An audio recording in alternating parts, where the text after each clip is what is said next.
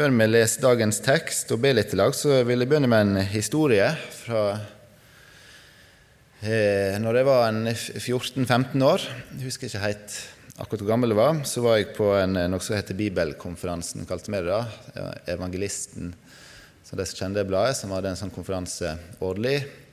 Da var det på Frekkhaug. Og så hadde jeg hatt en, et vitnesbyrd, eller åpning. Jeg hadde lest litt fra Salme 25. Og så kom jeg i prat etter møtet med ei eldre kvinne. Sånn må nærme seg 80. Eh, og vi prata ei stund. Og eh, det var vel fordi hun var veldig glad i denne salmen sjøl. Hun las den daglig og brukte den som en bønnesalme, sa hun. Den er veldig fin, så det vil jeg anbefale for flere. Salme 25.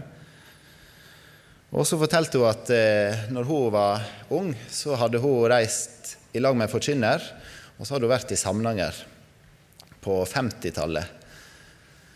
Jeg har vært med denne forkynneren og hadde ei møteveke.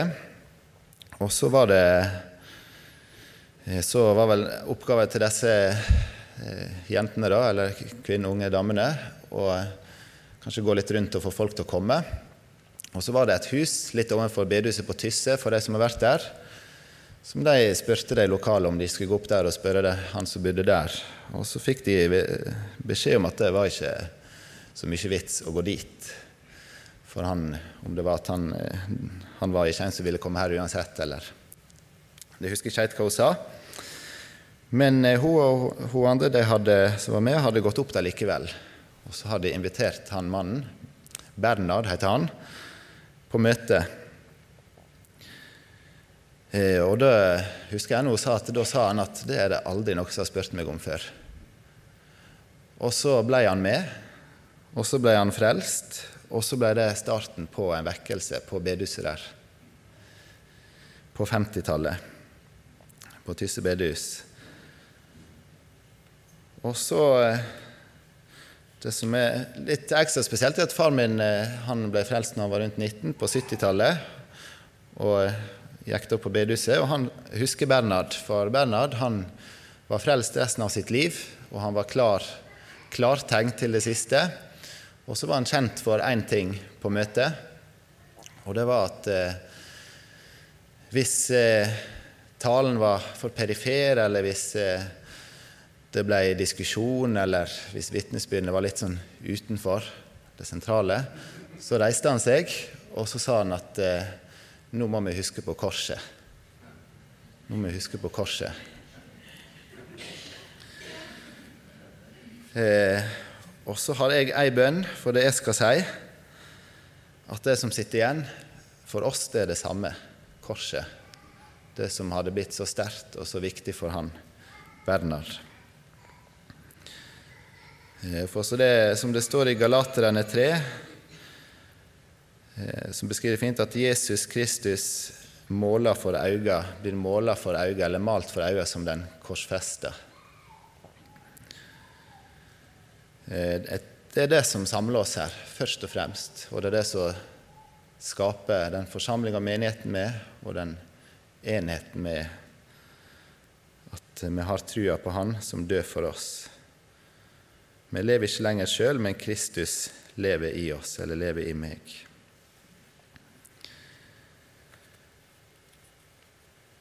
Teksten i dag den er henta fra Jesus sin avskjedstale til disiplene i Johannes. Den er en lang tale fra kapittel 14 til 16 i alle fall. Eh, og dette er rett før han blir tatt til fange og korsfesta og dør. Og eh, Forløpet for det som er dagens tekst, som er et lite avsnitt av talen, så har han eh, fortalt at han vil måtte forlate dem, gå vekk til et annet sted, å gjøre klar et sted for disiplene. Eh, og han eh, forteller at disiplene vil bli hata, står det, og enda slått i hjel, for hans folk skal tro de gjør Guds ære ved å slå dem i hjel, sier han rett forut for det som er dagens avsnitt. Så disiplene er nok i De må jo være litt sånn satt ut eller sjokkert over alt det Jesus sier. Kanskje litt engstelige. Og så kommer Jesus da med løftet om talsmannen eller Den hellige ånd, eller sanningsånden, som skal komme til deg og være hos deg når han går. Og Sånn sett så peker teksten fram mot pinsedag og tida etter pinsedag, og, og helt fram til vår tid. Så den er like aktuell i dag. Da kan vi reise oss, og så skal jeg lese det som er dagens tekst. Og Det er fra Johannes 16, og vers 12-15. Ennå har jeg mykje å seie dykk, men det kan ikkje bære det nå. Men når Han kjem, sanningsanden, skal Han leie dykk fram til heile sanninga. For Han skal ikkje tale av sitt eige, men tale det Han høyrer, og fortelle dykk det som skal komme. Han skal herliggjøre meg, for han skal ta av det som er mitt, og forkynne det for dykk. Alt det som far min har, er mitt. Derfor sa jeg at han skal ta av det som er mitt, og forkynne det for dykk. Ja. Kan vi be i lag? Kjære Jesus, nå ber jeg om at du må åpenbare ordet for oss, at du må tale gjennom meg, kjære Jesus, og at mine menneskeord må falle død, men at ditt ord de må stå fast og skape liv i oss, kjære Jesus. Jeg ber om at du kan bli helliggjort i møtet i dag. Og ber om at vi kan se deg som den korsfesta som dør for oss. Amen.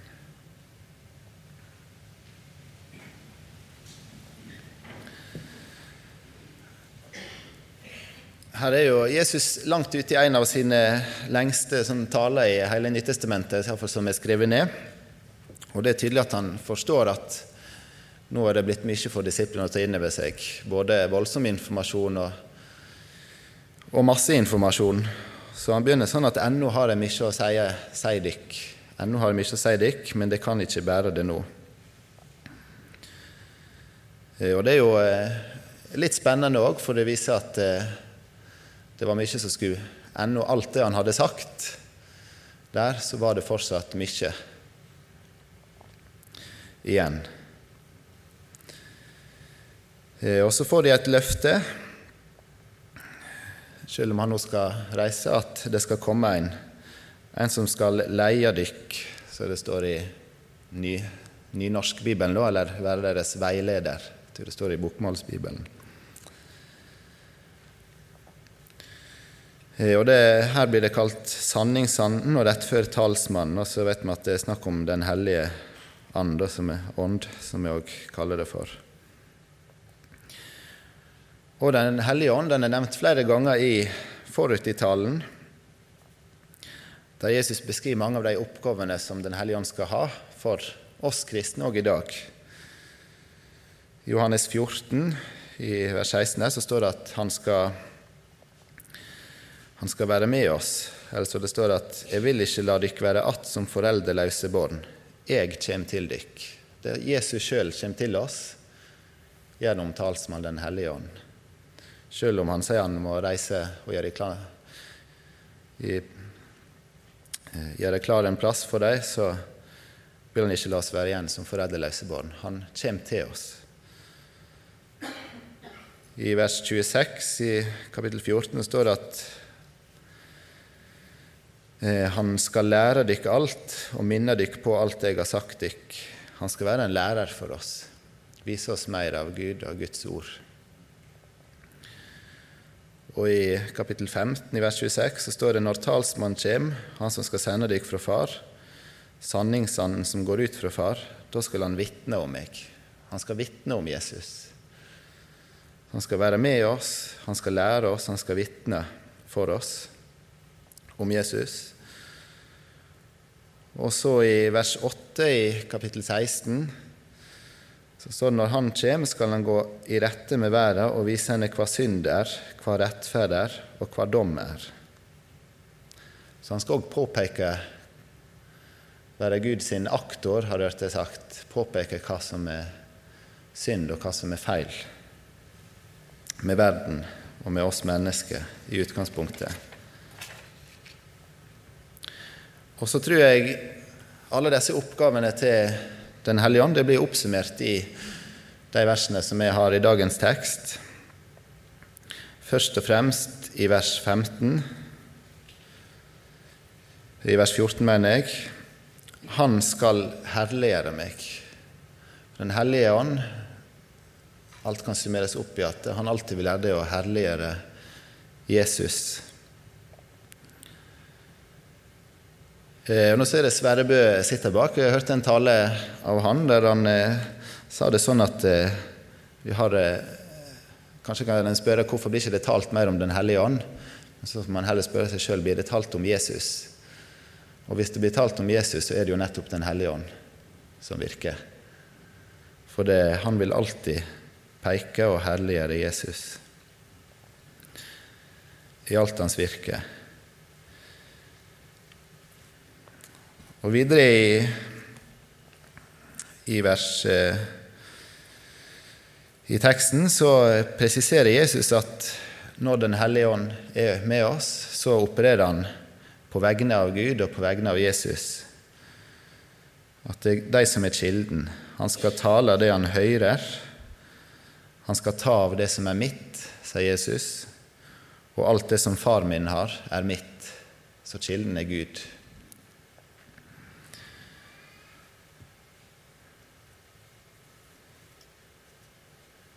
Og så ønsker jeg å bruke resten av talen på å herliggjøre Jesus. Og Da vil jeg eh, gå inn i dette første verset, der han sier, vers 13 Men når Han kjem, sanningsanden, skal Han leie dykk fram til hele sanninga.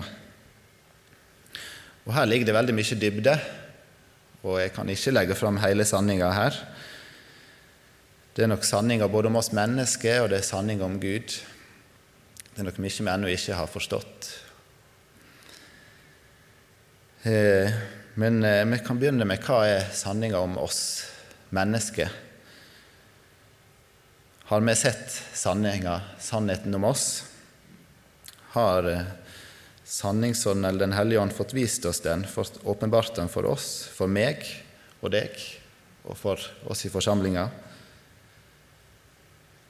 Litt av denne sannheten den finner vi i de versene som jeg las kort i stad, rett før. Jeg leste igjen i vers 8. Og når Han kjem, altså talsmannen, skal han gå i rette med verda og vise henne hva synd er, hva rettferd er, og hva dom er. Synd er at de ikke tror på meg. rettferd er at jeg går til Far og det ser meg ikke lenger. Dommen er at han som hersker over denne verden, er dømt. Så hva er sannheten om oss i utgangspunktet? Jo, det er det som talsmannen som Den hellige overbeviser oss om, at vi er syndere. At alle har synda, som vi kjenner fra romerbrevet, og mangler Guds helligdom. Det er vår utgangsstilling, at vi er syndige og skyldige, vi gjør feil. Vi klarer ikke å leve opp til som Gud ønsker og vil at vi skal, som lova sier. Vi veit at alt det lova sier, det sier hun til de som har lova, så hver munn skal teie, og hele verden står skyldig for Gud. Står i Romerbrevet 3 så taler ikke Gud bare om sånne åpenbare feil. Han snakker om baktale og misunnelse og ting som vi kanskje kan kjenne igjen. Vi skjønner at dette er jo galt. Men Gud han krever jo at du skal elske Herren din Gud av hele ditt hjerte, av hele din sjel og alt ditt vit. Og der ligger det så mye som vi nok ikke klarer å ta inn over oss, men som er veldig alvorlig. For eh, det er ingen som klarer det, og i alt han gjør, elsker han av hele sitt hjerte, at alt han gjør, så skal det være til ære for Gud. Av hele sin sjel, av all forstand, alt det gjør med fornuften og med følelser, at alt er til ære for Gud. Det klarer vi ikke.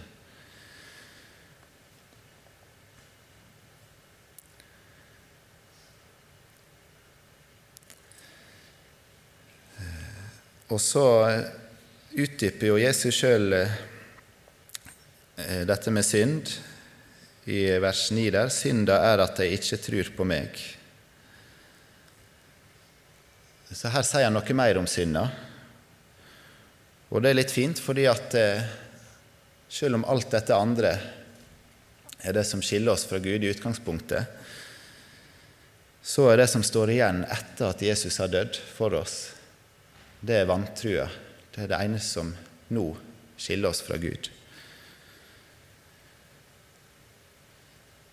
Så selv om alt dette andre i utgangspunktet skiller oss fra Gud, så er det som står igjen som om vi kaller det synd, det at det som gjør at vi kan være i konflikt med Gud fortsatt, det at vi ikke tror på Han.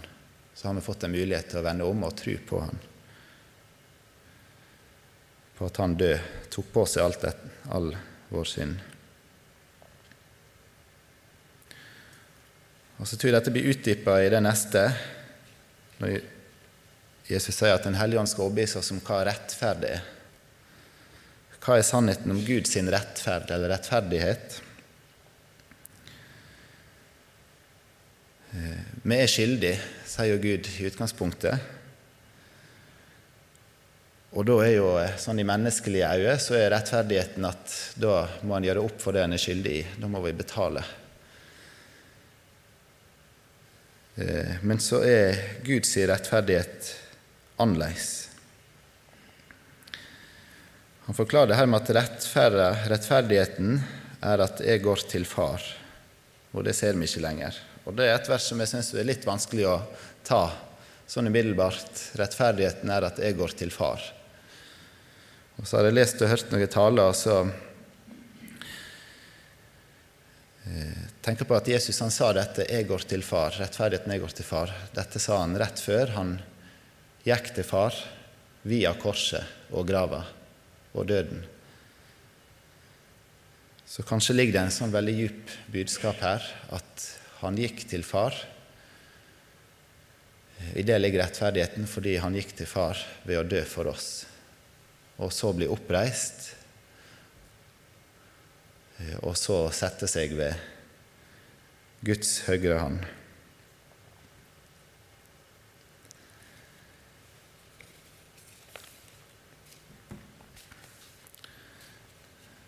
Det var dette sånn som jeg har lest som hadde gikk opp for Luther, dette med Guds rettferdighet, at det faktisk er at en annen tar vår straff.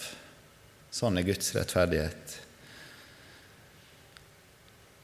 Dette er Guds rettferd, som blir gjeven ved trua på Jesus Kristus til alle som trur. Her er det ingen skilnad, for alle har synda og mangler Guds helligdom. Men ufortjent og av Hans nåde blir de kjent rettferdig, frikjøpt i Kristus Jesus. Vi er frikjøpt av Han. Så dette er sånn elementær kristendom, kanskje. Det er det jo det, er det viktigste og sentrale. Men så tror jeg det er så viktig å fortalt det både for meg sjøl og for oss. Fordi at det er dette som binder oss sammen.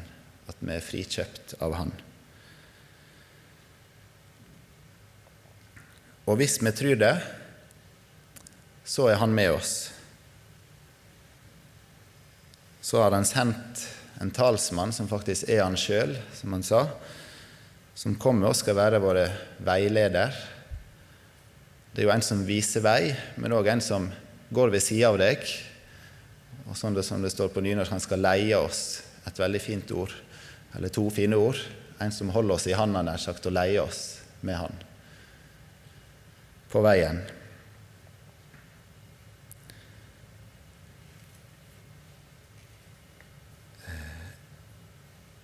Jeg tror vi må be om alle at vi får malt ut Jesus som korsfester, som død for oss. Som Paulus beskriver i Galaterbrevet. For jeg er helt sikker på, og det sier Bibelen òg, at jo mer vi forstår hva Han har gjort for oss, hva som ligger i frelsa, jo større konsekvenser får det for livet vårt her og for forsamlinga det får konsekvenser for hvordan vi ser på oss sjøl, på hverandre i Betlehem, på de utenfor Betlehem, på de vi møter. dess mer vi sjøl får sett korset og hans frelsesverk.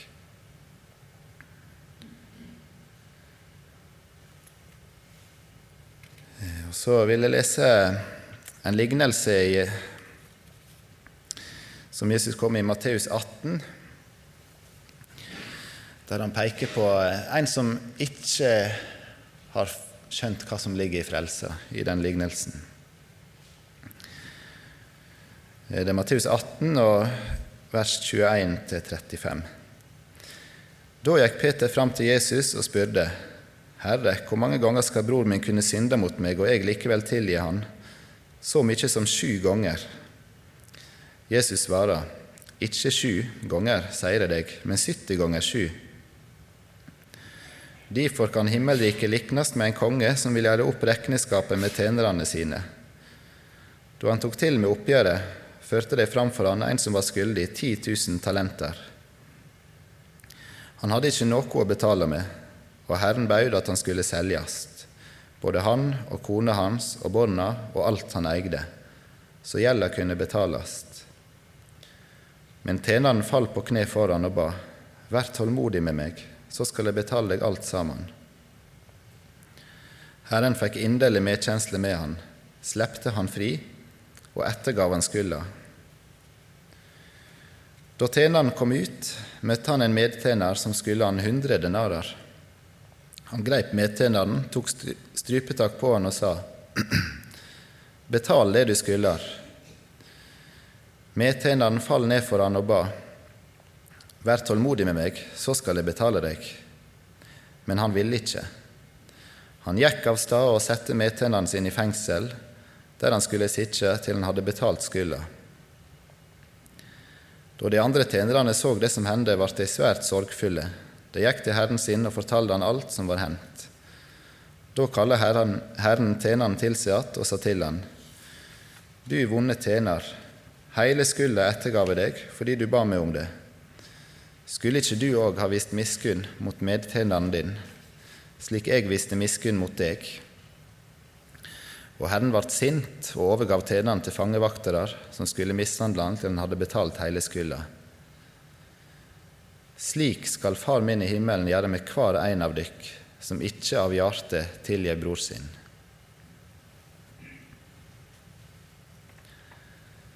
Her er det en lignelse der det virker som denne første tjeneren måtte stå for dommens dag. Han møtte Gud, som da er denne kongen i lignelsen.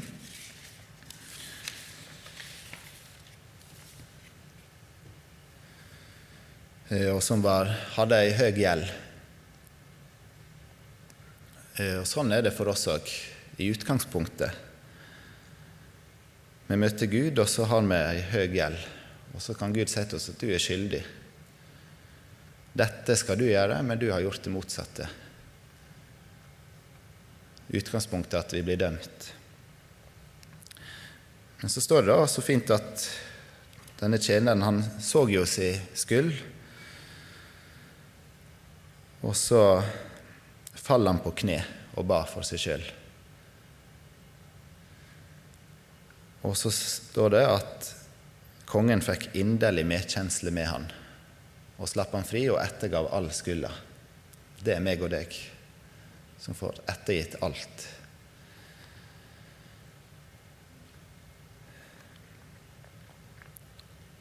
Og så sier Luther om akkurat disse versene her, at trua den fører, inn, fører oss fra mennesket og inn til Gud.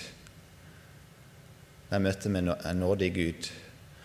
Og så driver kjærleiken oss derifra og ut igjen til mennesket. Når vi kommer inn til Gud ved tru, så er det ingen gjerninger, eller da får vi alt i gave. Og så skal kjærleiken i oss begynne å brenne når vi ser hva vi har fått. Da kan vi ut og vise hva vi har fått, og vise for verden at vi tror. Men når denne tjeneren kom ut og møtte en bror som skilte han litt Der òg var det samme forholdet. Han hadde rett på de hundre denarene så krev han det inn, sjøl om denne andre faller på kne. Da var det ingen tilgivelse. Eh, og hadde han da sett hva han sjøl var tilgitt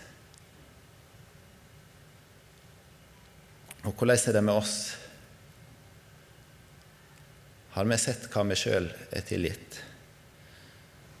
Sånn at når vi møter en bror som er skyldig oss noe, der vi mener vi har rett, tilgir vi det fordi vi sjøl ser at vi er tilgitt så mye mer. Hva hadde skjedd om Gud hadde hevda sin rett for oss? Og så Luther beskriver i denne andakten så er det at Gud sier at du var sulten, tørst og elendig, og da hjalp jeg deg. Du lå i dine synder, og da hjalp jeg deg. Jeg hadde medynk. Har du gjort det samme med din neste?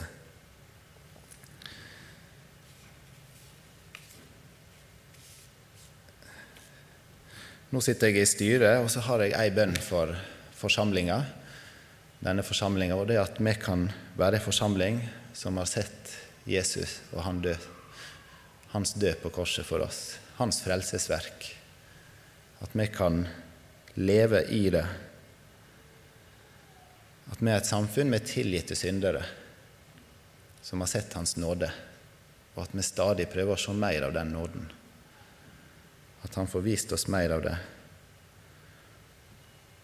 Og da vet jeg at da vil vi være et fellesskap, en menighet. Da Innad i familiene så vil det være rom for å feile. For vi vet at vi feiler sjøl. Det vil være rom for åpenhet, for vi vet at om åpenheten åpenbærer feil, så får vi tilgivelse. Og det er rom for å være svak, for vi vet sjøl hvor svake vi er. Det er til og med rom for å være uenig, for vi vet hva vi står fast på.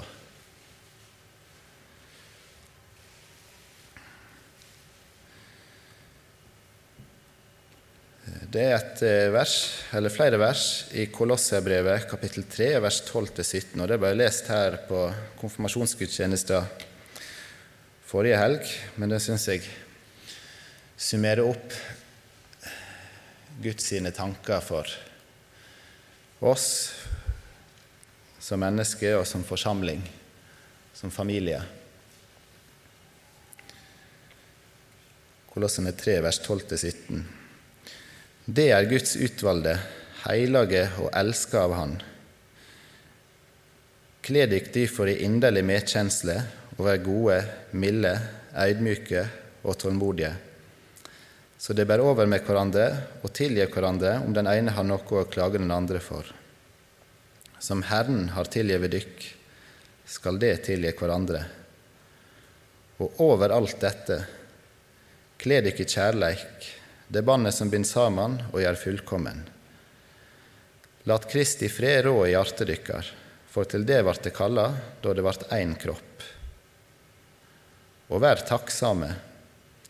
La Kristi ord få rikelig rom hos dykk, så det med visdom kan undervise og rettlede hverandre, med salmer, hymner og åndelige sanger. Syng for Gud med takk i hjertet og alt det gjør, i ord og gjerning, skal dere i Herren Jesu navn, og ved Han takke Gud, vår Far. Vi er hellige og elska av Han. Tenk så stort. Vil jeg be. Kjære Jesus, nå takker jeg deg for ordet ditt, og så ber jeg om at du må virke i meg og i alle oss som er her, kjære Jesus. At vi må se de frelse, hva det er som samler oss, hva du har gjort for oss, kjære Jesus. Må du tilgi oss vår synd. Takk at du tok den på korset, Jesus.